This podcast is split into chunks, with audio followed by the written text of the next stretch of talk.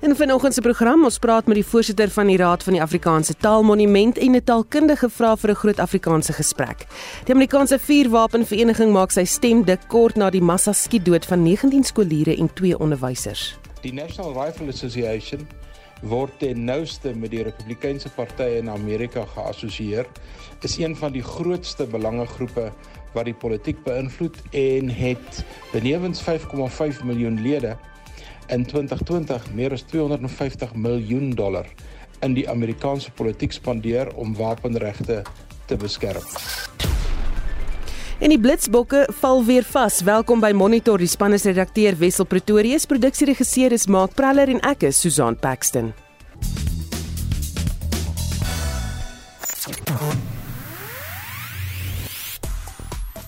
Dit is Nasionale Kinderbeskermingsweek en ons praat later in die program met 'n voorligting sielkundige.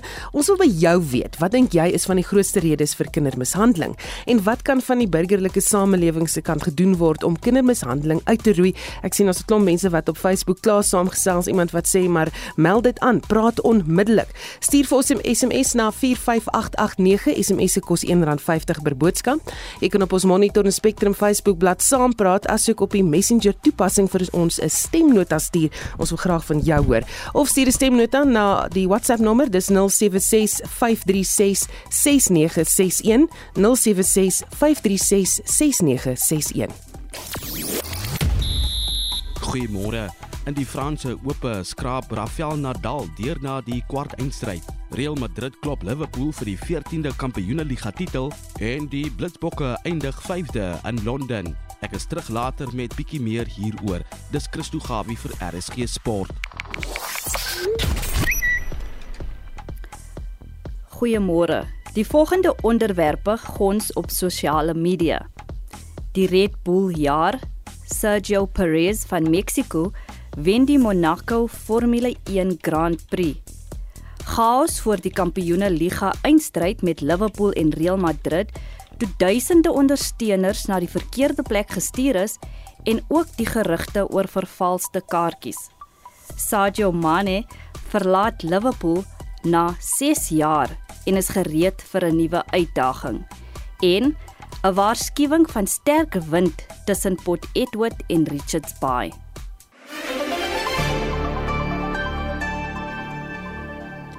11 minute oor 6 jy luister na Monitor en hoofnuus die afgelope naweek 16 mense is eergister dood in 'n grie-ongeluk op die N3 rigting suid tussen die Pieterbron en Charlotten afrit by Pietermaritzburg. 10 voertuie was betrokke insluitende twee vragmotors en 'n volgelaaide minibus taxi. Eers het twee langafstand vragmotors vroeg Saterdagoggend gebots. Die vrag het oral versprei gelê. Nuuskierige motoriste het na bewering tot verdere botsings gelei, ook die dodelike een waarin die minibus taxi aan die brand geslaan het. Die taxi was van Johannesburg na Harding in KwaZulu-Natal onderweg. Op die toneel van die uitgebrande wrak was halfgeëte maaltye en bagasie oral gestrooi. Die verkeer op die hoofweg was Saterdag tot die middag ontwrig. Die hoof van die KwaZulu-Natal Departement van Verkeer is Siboniso Mbele. Our traffic officers got a call. There was one truck that had a problem and was lying on a side. While they were attending to that, that was around one o'clock in the morning, and a secondary accident happened at about two o'clock in the morning, which took the 16 lives. Die woordvoerder van die departement, Kwanele Nkaleni, sê die vermoede is dat al die oorledenes in die mini-taxi was. The accident involved 10 vehicles which were involved in a pileup after a truck lost control, and this resulted to a number of vehicles piling up. All the fatalities are believed to have been from a minibus taxi. We are currently trying to establish where the taxi was moving from and where it was going to. However, the indications are that it was moving from Johannesburg to Harding. Mkalani sê in daardie stadium het dit gelyk of die enigste oorlewende 'n 7-jarige seentjie is. It was rescued by the traffic officer when the vehicle caught fire. At this stage, it is still difficult to verify some of the details as the vehicles caught fire and there's still a lot of work that is being done on the scene. The forensic teams are there on the ground to also try to clear the road. We appeal to our people to be patient when driving along that area. Die identiteite van die oorledenes sal eers bekend wees wanneer kontak met al die naasbestaandes gemaak is. In 'n ander voorval op die N3 is minstens 9 mense in 'n busongeluk tussen Heidelberg en Villiers dood. 3 mense is ernstig beseer. Volgens die verkeersowerhede het die ongeluk gisteroggend gebeur toe die bestuurder van die bus beheer oor die voertuig verloor en dit by 'n brug afgestort het. Die oorsaak van die ongeluk word nog ondersoek. Nonklapanipu Magwaza het hierdie verslag saamgestel. Mitsi van der Merwe, SAK-nuus. Die Raad van die Afrikaanse Taalmonument en Museum, kortweg die ATM, het nog nie besluit geneem oor of Afrikaans uit die benaming geneem moet word nie. Daar was uit sekere geleedere hewige reaksie asook protesoptrede die naweek op die minister van Sport, Kuns en Kultuur, Natem Tetwa se voorstel om die naam te verander. Ons praat hier oor met die voorsitter van die raad, advokaat John Meyering. Goeiemiddag of goeiemiddag, sien ek's nog daar vroegmiddag. Goeiemôre John, hoe gaan dit? Goeiemôre Jan. Nee, ek het nie besef ek het eh, vroegmiddag wakker geword nie, maar hier is ek. Sjoe, hierdie oggende. Maar dankie dat jy opgestaan het vir ons. Ehm um, wat het gebeur by die beplanningssessie? Ehm um, wel die die doel van die sessie was om met die departement uh, bepaalde strategiese sake uh, te, uh, te bespreek. Uh, dit was nie net die moontlikheid van 'n naamsverandering nie, maar natuurlik ook die sogenaamde amalgamasie wat nie vooruitgestel word deur die 2018 wetskrif en dit is waar sekere uh, um van die entiteite onder die departement onder uh, oorkoepelende rade gegroepeer sal word. En dit is natuurlik iets wat al vir 'n ruk rigbaar is en waarvan die publiek ook moet weet. Julle het nie ehm, 'n um, besluit geneem oor die naam nie. Wat is die situasie daaroor? Nie ons het nie. Die situasie bly soos uh, dit was sou ek sê. Ons skakel verder uh, met die departement om beter te probeer verstaan wat indien enige iets nodig is. Um, afhangende van die uitkoms van daardie skakeling sal ons verder met die publiek um, belanghebbende skakel soos uh, ons oor die afgelope naweek ook in Parel gedoen het. Sal julle as raad 'n naamsverandering oorweeg ter wille van inklusiwiteit? Wel, dan sou ons eers moet bepaal of die ATM as eksklusief of dan wel uitsluitend beskou kan word en presies wat dit beteken. Tot dan moet ek sê is die kwessie in 'n sin hipoteties. Hoe sal 'n naamsverandering die aard en inhoud van die taalmonument verander? Nou ons het 'n spesifieke mandaat wat deur die minister in die departement onderskryf word. Um, om daardie rede sal enige moontlike naamsverandering slegs kan gebeur as daar eers 'n mandaatsverandering is. En dis natuurlik uh jy weet dit is nie iets wat mense net oornag kan doen nie. Dit is iets wat uh, uh, op sigself sy eie proses sal behels. Tot hoe mate sal die publiek se siening oor 'n naamsverandering in ag geneem word voordat 'n finale besluit geneem word? Ons neem kennis van die openbare sentimente wat uh, oor die afgelope tyd, die afgelope aantal weke ehm um, gehoor en gelees is. Ons is baie dankbaar vir almal se bydraes, ook uh, die afgelope Saterdag in die Parel waar daar ehm um, oop sessie was na ons museumdag viering. Ehm um, en die die meerderheid daar soos die uh, um, in in inleiding tot hierdie gesprek gesê het was was gekant teen 'n moontlike naamsverandering en daar was sterk argumente vir die behoud en natuurlik ook sterk bewoorde argumente vir die behoud van die naam wat gemaak is. Wat ook al verder gebeur sal uiteraard ook behels wat die breë publiek dat die breë publiek betrek word. Ons gaan nie die die publiek ehm um, uh, die die die die sien wat die aandeel het in die museum uitsluit nie um, en die naam en die mandaat van die uh, uh, instelling bly dieselfde of dit uh, dieselfde gaan bly of aangepas sal word sal uiteraard uiters goed gemotiveer moet kan word. Hm. Baie dankie, dit was advokaat John Meyering, hy is die voorsitter van die Raad van die Afrikaanse Taalmonument. Ons bly by die storie, 'n taalkundige en emeritus professor aan die Noordwes Universiteit, professor Wannie Karsten skryf dat die skroewe op verskeie terreine al hoe stywer vir Afrikaanse aangedraai word en vra of dit nie tyd is vir 'n groot Afrikaanse gesprek nie. Ons praat nou met hom. Goeiemôre Wannie. Hallo Susan. Hoekom sê jy verkeer Afrikaans al hoe meer onderdruk?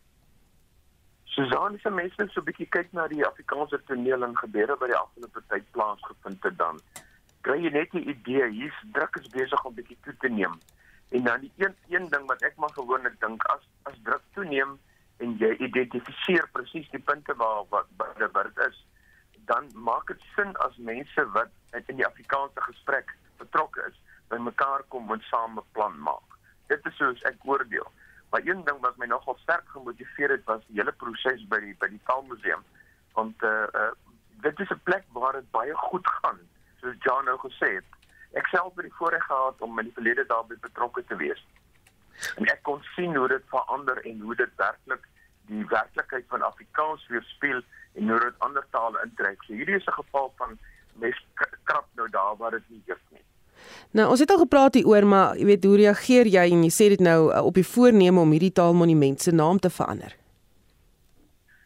Ek sou sê dit maak geen sin om dit te doen nie, Susan. Uh die die museum soos hy is, is reeds 'n plek waar tale in die land uh amper sê weerspieël in terme van die totale waarde van Afrikaans. Ek kan verstaan dat die naam Afrikaans vir die vir die regering dalk 'n probleem is, maar aan die ander kant, ons sit in 'n land met soveel tale en soveel kulture en dan moet daar begrip wees vir vir elke taalgemeenskap se behoeftes. En ek dink in daai opsig is die Afrikaanse Taalmuseum nog 'n voorbeeld vir die ander tale in die land hoe om dit te doen, hoe om objektief oor sy verlede te wees, hoe om dit wat vir hom belangrik is uit te beeld. So ek ek ek dink die minister is gewoon op die verkeerde pad. Maar ek hou van die manier waarop Jan hulle dit doen. Dit is 'n oop deursigtige manier. Hulle luister na ander mense en uh dis 'n baie mooi pad. Hmm. Tot hoe mate is Afrikaans op skool en tersiêre vlak aan die agteruitgang? Susan is 'n mens na die uh statistiek kyk is dit regtig nie 'n mooi prentjie nie. Jy weet so teen 10 tussen 10 en 15 skole per jaar uh, word eintlik minder Afrikaans. Dit gaan oor na parallel of na dubbel medium skole. Ons weet dat die situasie by die universiteite is. En proses 2015 het dit redelik vinnig afdraand gegaan. So ons is in die moeilikheid as moet dit eerlikwaar vir mekaar sê, uh dit dit het in die afgelope tyd baie duidelik na vore gekom. Uh uh uh en en en en en, en dan moet planne gemaak word. En dit is ook om my gevoel is. Ons moet met mekaar praat. Wat is te kan die gang? Wat gaan ons doen om dit te buffer? En ons moet opsies kry.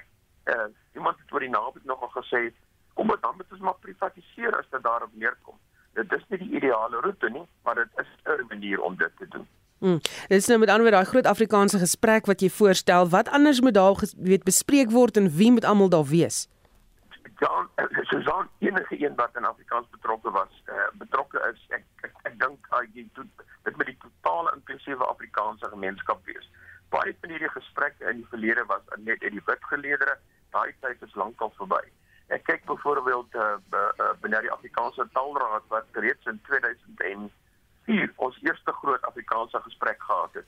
Dit het daartoe gelei dat ons uiteindelik 'n versoende Afrikaanse geliggaam, die Afrikaanse Taalraad gestig het. Dit is belangrik. Dit is die soort gesprekke.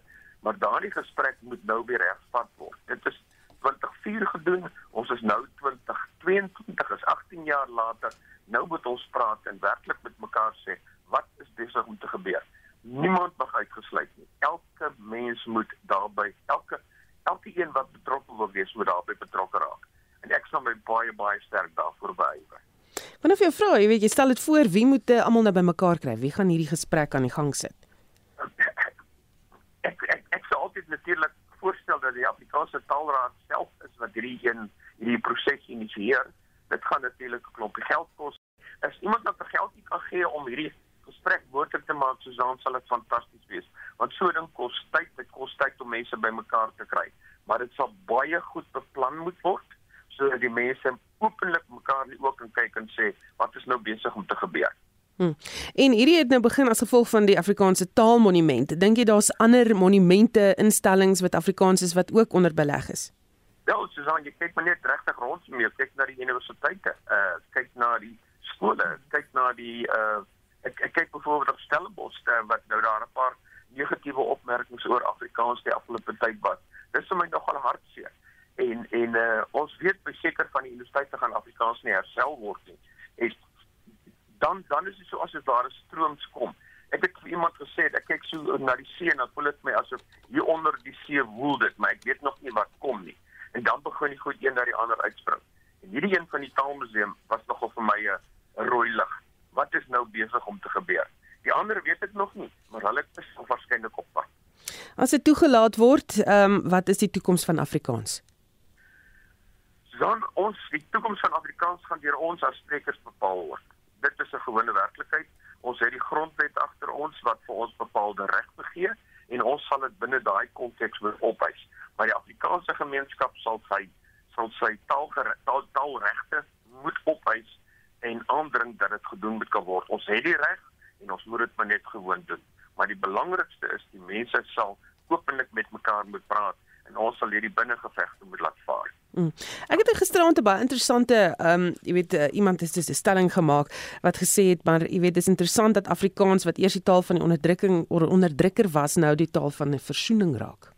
Absoluut. Dis son dit is die wonderlikste wat ons nou sedert 2003 2004 meegemaak het.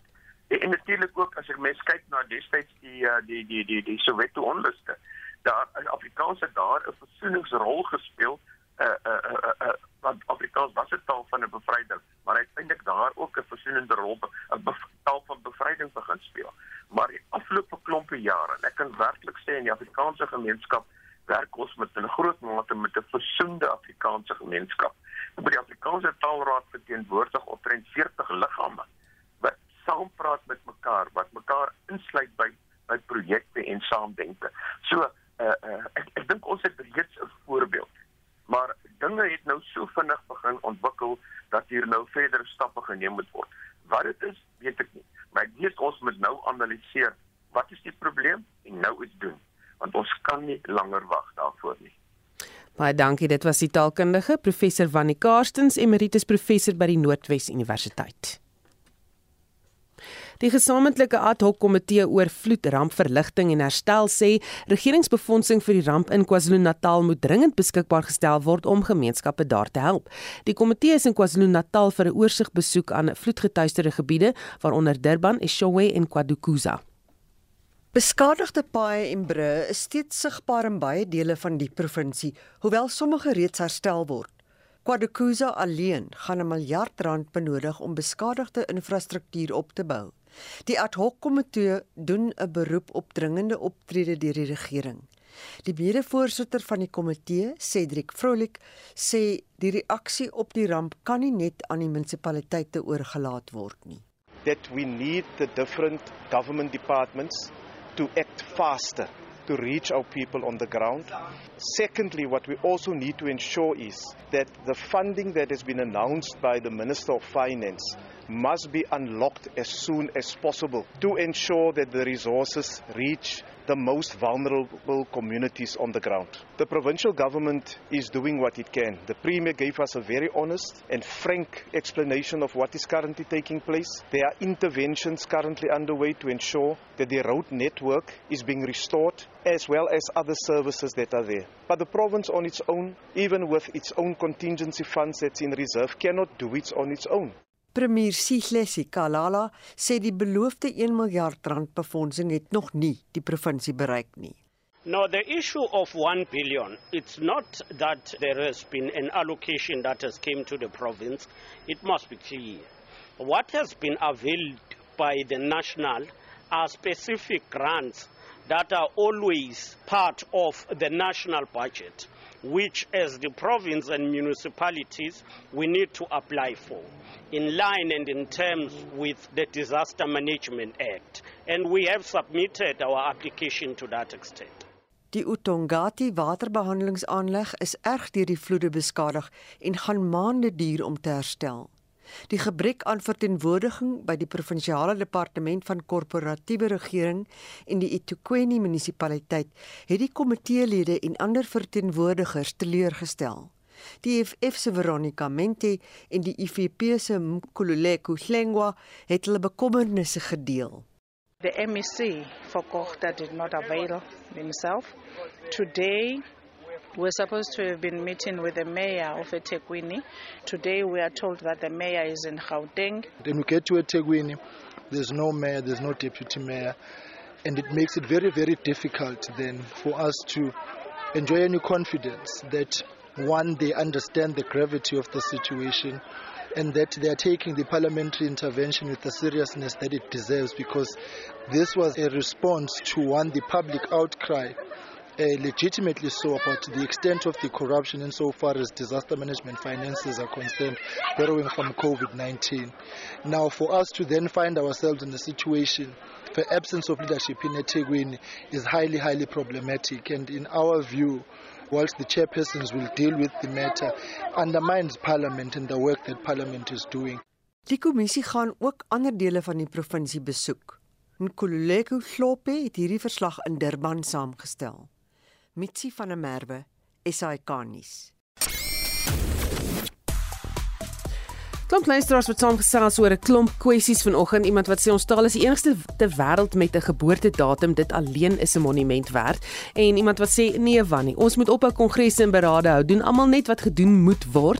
En iemand wat sê Susan bel bietjie die president en hoor wat hy vir Afrikaners te sê het oor sy ministers se besluit. Ons probeer met almal moontlik praat. Die president sal op die lys kom onmiddellik.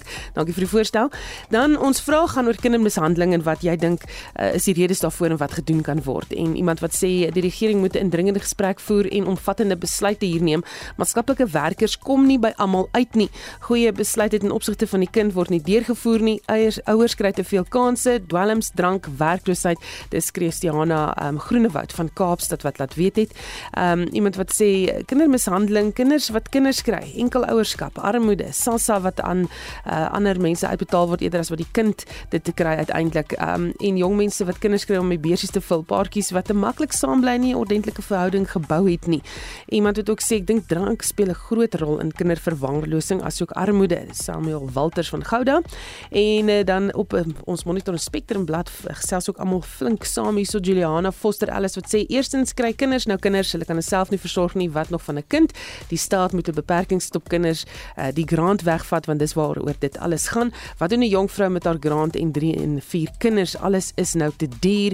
En dan sê Abri dit sommer so regop of reguit. Hy sê hou op drank, suip en dagga en drugs gebruik en gee lewenslange tronkstraf aan diegene wat hulle daaraan skuldig maak. En uh, Anne wat sê teen die tyd dat mense agterkom dat kindermishandeling voorkom, is die skade reeds gedoen. Ons almal moet meer betrokke raak en baie bedag wees op kinders se gedrag.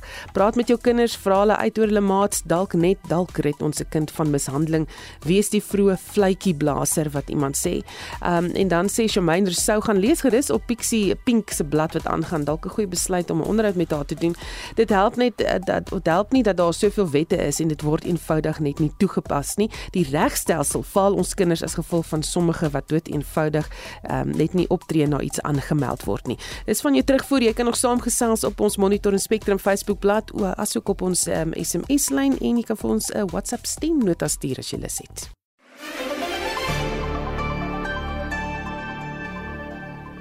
637 jy luister na Monitor. Die minister van internasionale betrekkinge Dr Naledi Pandor sê 'n span van Qatar sal in KwaZulu-Natal werk om die provinsie se behoeftes te bepaal en hulp te verleen. Annelien? Ja, Susan, die provinsie is nog besig om te herstel na verlede maand se verwoestende oorstromings toe meer as 400 mense dood is. Pandor was deel van 'n groep regeringsamptenare wat noodvoorraad van kos, klere en mediese toerusting uit Qatar by die King Shaka internasionale lughawe ontvang het. I am uh, particularly excited at the fact that a team will be in KwaZulu-Natal for just over 2 weeks. I think this is incredibly important. Uh, so it's not just bringing um, an aeroplane load of humanitarian aid, it's also carrying out an assessment of what the needs on the ground are, what further support might be needed or rendered uh, uh, by the state of Qatar to the Republic of South Africa. Dit was die minister van internasionale betrekkinge, Dr Naledi Pandor. In Kathmandu in Nepal het 'n vliegtyg van 'n privaat lugdiens vermis geraak met 22 mense aan boord. Die vliegtyg van Tara Air was onderweg van Pokhara na Jomsom en het 15 minute na opstyging radioverbinding verloor. Van die 19 passasiers was 2 van Duitsland, 4 van Indië en die res Nepalese. Die vliegtyg was 43 jaar in gebruik. Vliegongelukke is relatief algemeen in Nepal met aanloopbane in bergagtige gebiede en veranderende weerstoestande. Dan het duisende vlagswaaiende Israelies deur moslemgebiede aan die ooste van Jerusalem gemarseer en wat as uitlokkende gedrag deur die Palestynë beskou word. Ja, die parade kom in 'n tyd van hoogspanning na maande van dodelike konflik. Israel herdenk hiermee sy vaslegging van Oos-Jerusalem tydens die oorlog van 1967. Israel se polisie verwyder na bewering Palestynë hardhandig van die Damaskushekke. Die BBC se Yolande Nal. One year ago, it was this event, the Flag March on Jerusalem Day, that was one of the triggers for that devastating 11 day conflict between Israel and Palestinian militants in Gaza. Now, ahead of this year's parade, Hamas, which governs Gaza, did come out saying that Palestinians were ready to defend Jerusalem, were ready to defend Al Aqsa. Uh, but there's also a lot of anger on the Palestinian side uh, because, unlike last year when the march was set on a different route, this year Israeli leaders decided that it should be allowed to pass through a gate just around the corner from here, uh, Damascus Gate, and that is the main gate that leads into the Muslim quarter. Dit was die BBC se Jolandi Nel. Dan het die president van Oekraïne, Volodymyr Zelensky, ook vir die eerste keer 'n besoek aan troepe gebring sedert die Russiese aanvalle in Februarie begin het. Ja, Zelensky het 'n koelvaste baadjie gedra terwyl hy met troepe in die voorste linie in Kharkiv gepraat het. Die BBC se Rory Gallimore doen verslag. Footage released by Mr. Zelensky's office shows him wearing a bulletproof vest and talking to frontline troops. Around him, the destruction caused by more than three months of war is clear. There's the twisted wreckage of buildings hit by bombs and lines of burnt out Russian vehicles. Mr. Zelensky spoke to officials about rebuilding shattered towns and cities. Ukraine says Russia is still occupying a third of the Kharkiv region, although Moscow's focus is now on capturing the whole of the Donbass further east, where there's heavy fighting. A senior official in Severodonetsk has accused Russia of systematically destroying the city and its people.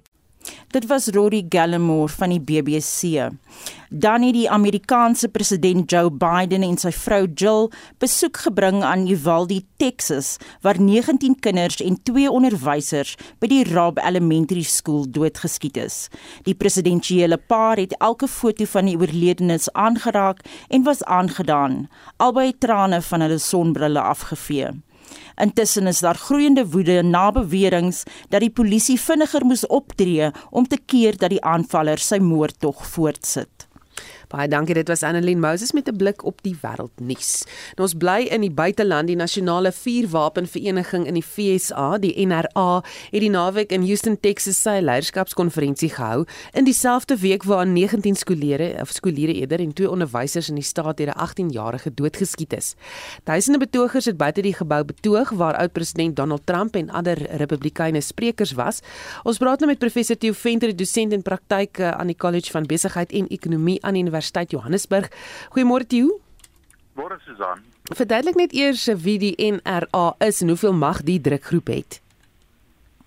Ja, die NRA is een van die grootste drukgroepe in die FSA wat ehm um, die belange probeer beskerm van almal wat uh, wapens besit of eintlik veral die ehm um, die tweede amendement van die Amerikaanse grondwet waarin die reg om 'n wapen te dra verskans word. En dit is 'n besluit wat die Amerikaners al in 1791 geneem het. So dit is 'n verskriklike ou en 'n gevestigde belang in die Amerikaanse grondwetlike bedeling en die die die ehm um, NRA is nie alleen net groot nie, hulle het meer as 5,5 miljoen lede.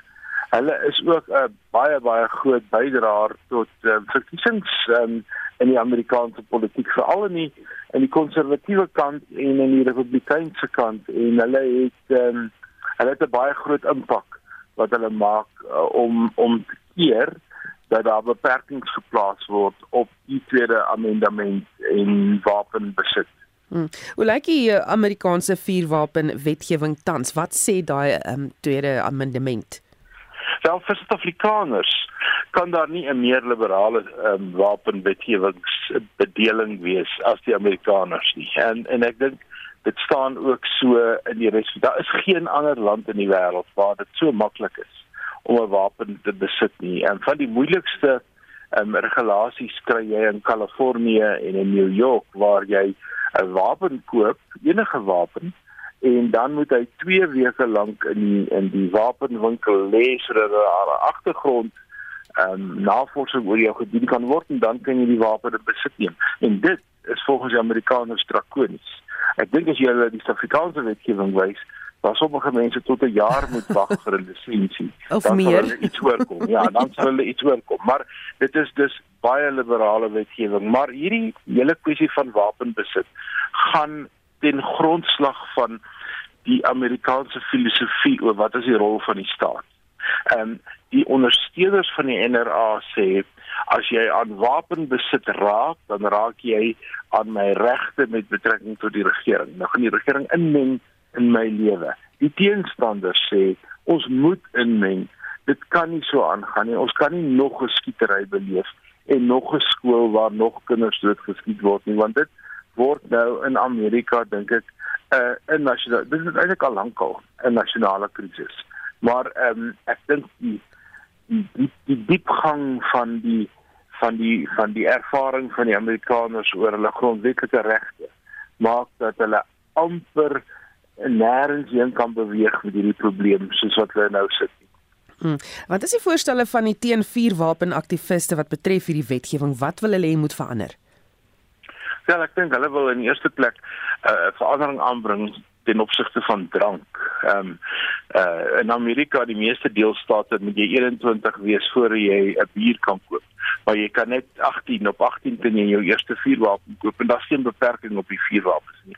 Ek dink hulle wil die ouderdom opstoot na 21 toe. In die tweede plek wil hulle dit moeiliker maak om vuurwapens uh, veral aanvalsgewere te koop as jy 18 jaar oud is. Hulle wil hê jy moet bietjie ouer wees en in die derde plek probeer hulle die magasin grootte van wapens kleiner maak want die meeste van die skietvoorvalle soos wat die ene in Uvalde en al die hele klomp ander kan um, ag mense kan hulle opnoem een vir een was dit iemand met 'n hoë kapasiteit wapen met ander woorde 'n wapen wat wat uh, 10 20 of 30 patrone in sy magasin kan neem en dan raak hierdie persone heeltemal beserk en hulle skiet net links en regs hulle probeer daar beperk. Maar ehm uh, selfs dit gaan moeilik wees om dit 'n federale besluit te maak. Ehm um, deelstate ehm um, het natuurlik verskillende regulasies soos ek weet in Kalifornië is daar 'n wagtyd en in ander deelstate uh, is daar is daar geen. In sommige deelstate mag jy 'n wapen dra. In ander deelstate moet jy hom dra maar hy moet toegehou moet weggesteek wees concealed carry praat hulle van. Ehm um, so dit is nie die groot storie nie. Die groot storie is wanneer kan jy 'n wapen koop en onder watter omstandighede en in watter ouderdom? Dit is hoekom aanvalsgewere toegelaat word. Dis dis nie sommer iets wat jy enige in enige plek anders in die wêreld sien nie. Nee, 'n aanvalsgeweer interessant genoeg het net een rede vir sy ontwerp en dit is om mense dood te skiet. As geen ander rede hoekom mense aanvalsgeweer word gebruik in oorloë, reg? Dis dis dis dit is 'n oorlogswapen. 'n AK47 is 'n voorbeeld ons eie G5, ons ou G1 ag R1 R5 en mens kan verskillende name noem. Dis 'n wapen wat outomaties of semi-outomaties vuur en 'n hoë vuurtempo het. Jy kan nie daarmee jag nie. Dis ongeskik daarvoor. Jy jy um, jy kan min ander dinge daarmee. Jy kan sekere sportskut en uh, uh dissiplines kan jy daarmee beoefen maar dit is klein en baie beperk en hou geen bedreiging in nie. Maar vir die gewone ou op straat om te sê jy gaan uh, jy koop die wapen vir huis en hart beskerming. Wel in Suid-Afrika mag dit 'n geldige rede wees en uh, in Suid-Amerika kan dit 'n geldige rede wees maar nie in die VSA nie. So dit maak dit so absoluut ironies Dan eh, sprekers by die NRA konferensie het egter oproepe tot die verandering van wapenwetgewing verwerp. Wat het vir jou uitgestaan van wat Trump en ander sprekers daar gesê het?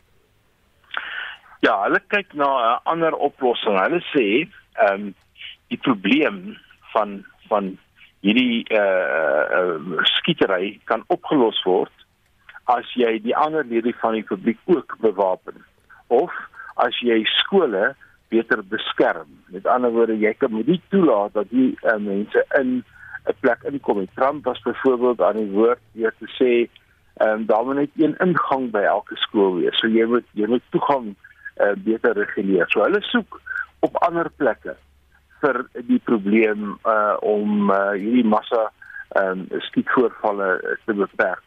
Ehm um, en hulle soek glad ehm um, uh enige vorm van uh, ouderdomsbeperking of 'n beperking op die aantal gewere of so iets nie. En en nou moet 'n mens onthou dat ek het in die begin gesê dit is een van die grootste lobbygroepe, belangegroepe in in Amerika en die besluit as daar so 'n besluit geneem gaan word, gaan in die finale instansie in die Senaat geneem word. En die Senaat is so naby aan 50-50 as wat jy kan kry. En as dinge loop soos dit op die oomblik loop in die Amerikaanse politiek, is daar 'n baie goeie kans dat die Republikeine die beheer van die Senaat kan terugwen in um, in November maand van hierdie jaar se verkiesing, die middeltermyn verkiesing en dan gaan dit nog moeiliker wees om wetgewing te verander. Is Trump besig om voorbrand te maak om weer 'n Republikeinse presidentskandidaat te word?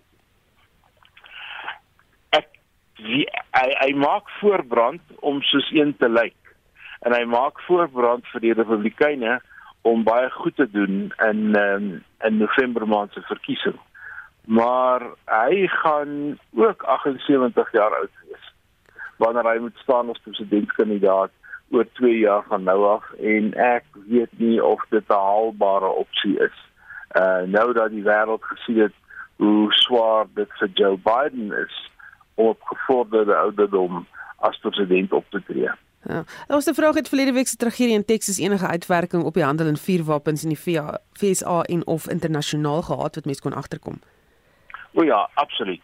Ehm um, die oomblik toe Kamala Harris uh, aankondig dat daar uh, 'n beperking geplaas moet word op die koop van aanvalsgewere, het die verkope van aanvalsgewere verdriedubbel. So mense het nou winkel toe gegaan en nou koop hulle wat op die rakke is in vrees dat daar wel iets gedoen gaan word. Ons het dit al 3 of 4 keer in die verlede gesien. Dit is so dat mense met bestellings buite Amerika wat wag vir aanvalsgewere omdat Amerika ook 'n groot vervaardiger is van aanvalsgewere, se bestellings is gekanselleer omdat die Amerikaners nou alles opkoop. Die vorige keer wat ons dit gesien het, was met die begin van uh, COVID-19. Die vrees dat die samelewing uitmekaar gaan val het gemaak dat Amerikaners alles alles wat beskikbaar is opgekoop het dat as ons net na die syfer kyk Amerika verteenwoordig 46% van alle privaat wapens in die hande van privaat individue wêreldwyd terwyl Amerika maar net 5% van die wêreldbevolking is. Dit wys jou tot watter mate wapens in die gemeenskap ehm um, versprei geraak het. Hm. Baie dankie. Dit was professor Theo Venter, dosent in praktyk aan die College van Besigheid en Ekonomie aan die Universiteit van Johannesburg. Nasionale Kinderbeskermingsweek word die week gehou om bewusmaking te skep van die regte van kinders soos vervat in die grondwet. Net verlede week is 3 leerders dood nadat hulle na bewering gedokterde energiedrankies deur hulle pa ingegee is en die lijk van 'n kleuter is op die N1 hoofweg buite Polokwane, Limpopo gevind in 'n sak weggesteek. Ons praat nou met Monique de Klerk, 'n voorligtingsielkundige by die Instituut vir Sielkunde en Welstand aan die Noordwes Universiteit. Goeiemôre Monique dan lekker om te so om te kan gesels. Die tema is net baie uh, tragies. Wat is die sielkundige redes? Hoekom sal 'n ouer so ver gaan om wreed teenoor 'n kind op te tree? Weet jy Susan, ek dink dit is dit is ja, dit gaan eintlik ons verstand te bowe want dit gaan amper teen wat 'n mens sien 'n ouer moet wees van omgee. So sodat mens soek amper 'n rede om te kan weet wat aangaan en die interessantheid daarvan is, ehm um, daar's verskillende redes, maar ek dink ons moet kyk na die konteks waarin ons nou tans is en weet jy skokkende statistiek sê vir ons dat sedert 2021 daar 30% in kindergeweld in Suid-Afrika is. En ek dink dit is juist ook die konteks wat mens in gedagte moet hou. Ouers het ongelooflike druk weens COVID-19 Um jy weet waar hulle hulle werke verloor, hulle sit met geweldige finansiële druk en ongelukkig in ons gemeenskap is daar ook amper hierdie beeld wat gewys word dat mens nie kan swak wees nie, dat mens nie moet uitreik nie. Um maar dit gesê, as mens kyk na die verskillende redes wat daar is, kan mens amper verwag dat 'n ouer wat filiesiek pleeg, so dit wil sê die die doelbewuste besluit om jou eie kind se lewe te neem, eintlik met 'n ernstige psigologiese verstoring sukkel, soos byvoorbeeld dan um major depressiewe verstoring of dat 'n ouer eintlik dan 'n geskiedenis van geweld het of deur ehm um, sy of haar kinderjare deur geweld 'n slagoffer was of geweld geïnisieer het. Ehm um, ander redes kan ook wees dat daar substansie betrokke is of dat die ouer psigotiese breek ervaar. Hmm. En ek dink die die moeilikste of om om te verstaan is die ouers wat werklik hulle kinders vermoor as gevolg van hulle wat dink hulle kinders is 'n hindernis of dat hulle voel dat hulle wil vir die ander ouer 'n punt bewys. En ek dink dit is wat so uiters skokkend is van van die spesifieke individue kan mens dan verwag dat hulle absolute tekort aan empatie het ook. Hmm. Wat is vanjaar se prioriteite wat betref kinderbeskerming? Kinderbeskerming dink ek regtig is dis die belangrikste want ongelukkig en gelukkig is dit by die huise sien waar die kinders beskerm moet word. Um nie by skole of in die publiek nie, dit moet begin by die huis en ek dink dit is wat vir my so belangrik is, is om amper 'n kultuur te beskep waar mense meer bewus raak van wat in hulle medemens lewe aangaan ook en en ek dink wat wat gepaard gaan daarmee is om eintlik menself ook daai geleentheid te gee om uit te kan reik om te kan sê weet maar ek sukkel as ouer help my asseblief sonder om amper die die vrees te hê om beoordeel te word om te sê maar jy is nie goed genoeg ouer of so. So ek dink dit is waar kinderbeskerming vir my begin. Absoluut by die, die ouer huis, maar ek dink ons ondersteuning stelsel in Suid-Afrika moet moet versterk word want ek dink ongelukkig met hierdie hoë druk tye ervaar al die ouers nie die ondersteuning wat hulle graag sou wil hê ook nie. Dan dan maatskaplike dienste. Is daar genoeg maatskaplike dienste beskikbaar? Ek dink ongelukkig in in Suid-Afrika nee. Um, ek dink veral in die rural areas is daar beslis 'n tekort daaraan. Meeste van die dienste is finansiëel gebaseer en ouers wat sukkel um, kan ongelukkig nie altyd sulke dienste bekostig nie. So ek dink wat nodig is is vir dienste om werklik bekostigbaar te wees, nie net vir die kinders maar vir die ouers ook om werklik met die ouers te kan werk wat sukkel um, met psigologiese versteurings en so. En dan COVID-19 het so effens daaraan geraak, maar weet wat is die impak daarvan op die kinders en op die ouers? Ek dink kinders kan dadelik aanvoel dat hulle ouers gaan deur 'n moeilike tyd ook en dit is amper asof hulle dan op eiers moet loop, nie weet wat om te doen en so nie. En ek dink dis wat moeilik is van dit maak die hele huissituasie kan dit dan moontlik baie onverwags maak. En as kinders weet ons kinders het um struktuur nodig, hulle het voorspelbaarheid nodig en ongelukkig weens hierdie druksituasies wat ouers ervaar, maak dit hulle gemoed um hulle situasie by die huis baie onverwags en ek dink dit skep on, ongelukkige vrees by kinders ook dat hulle amper nie weet wat hulle kan doen en nie kan doen nie. Um en ek dink dit is wanneer dit gebeur wat die ouer dalk uit woede uitsnap of iets gebeur en dan ja, ongelukkig die die kind ly dan daaronder. Baie dankie. Dit was Monique de Klerk, 'n voorligtingsielkundige by die Instituut van Sielkunde en Welstand aan die Noordwes Universiteit. Klomp mense wat saamgesels oor 'n klomp kwessies. Uh, dit is Erna van Welkom wat sê dit is 'n lafaard wat kinders mishandel, kap hulle hande af en Wiekie wat ook sê hulle hy, hy haal jou frustrasie of hulle haal hulle frustrasies uit op die kind. Dit wys ook net jy is 'n lafaard. En dan nog iemand wat sê môre kindermishandeling kom al jare aan. Jy weet dit net nie. Dis 'n oeroue familie ding wat aankom. Dis glad nie 'n nuwe voorkoms nie. Onderwysers is ook erg skuldig daaraan. Ehm um, mense het net nooit daarvan gepraat nie. Dis hierdie luisteraar se mening oor uh, die gesprek vanoggend vanoggend uh, oor kindermishandeling. En op sosiale media Mzwandile Masina is herkies as die ANC Ekurhuleni streeksvoorsitter en die Wêreldgesondheidsorganisasie het verslae ontvang van 257 bevestigde aappokke gevalle en ongeveer 120 vermeende gevalle in 23 lande.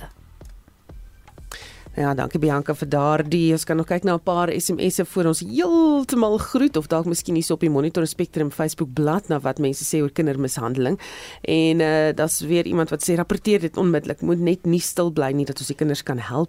Um en dan sê Dani Lou, mense wat kinders misbruik en mishandel het 'n ernstige sielkundige persoonlikheidsprobleem. Die burgerlike samelewing kan niks daaraan doen nie, veral nie as jy 'n manlike persoon is nie. Onthou nou dis natuurlik uh almal se persoonlike menings hierdie. Ek dink mense kan sê dis net manne of vroue wat byvoorbeeld kinders mishandel nie. Ek dink almal maak hulle skuldig daaraan. En dan iemand wat sê Cornelia die Jager en geestelik afbreek is 'n groot gedeelte van kinders se lewe. Ook mishandeling op 'n kind se lewe is nie reg in God se oë nie. Kinders is in God se oë skatte van die hemel en hulle moet so opgepas word. Ehm um, ook weer Filies wat sê kinderverwaarlosing is nie 'n nuwe siekte nie. Dit kom al 'n klomp jare aan. Die skokkendste is dat ons baie keer weet wat aangaan, maar ons is so ingestel om nie in te meng in ander mense se sake nie. Ons weet baie keer ons familielede doen iets maar ons is te bang om na vore te kom. Nou ja, daarmee groet die monitor span. Ons uitvoerende regisseur is Nicoline de Wee. Ons redakteur Wesel Pretorius en ons produksieregisseur Mark Praller. My naam is Susan Paxton. Onthou Spectrum vanmiddag tussen 12 en 1.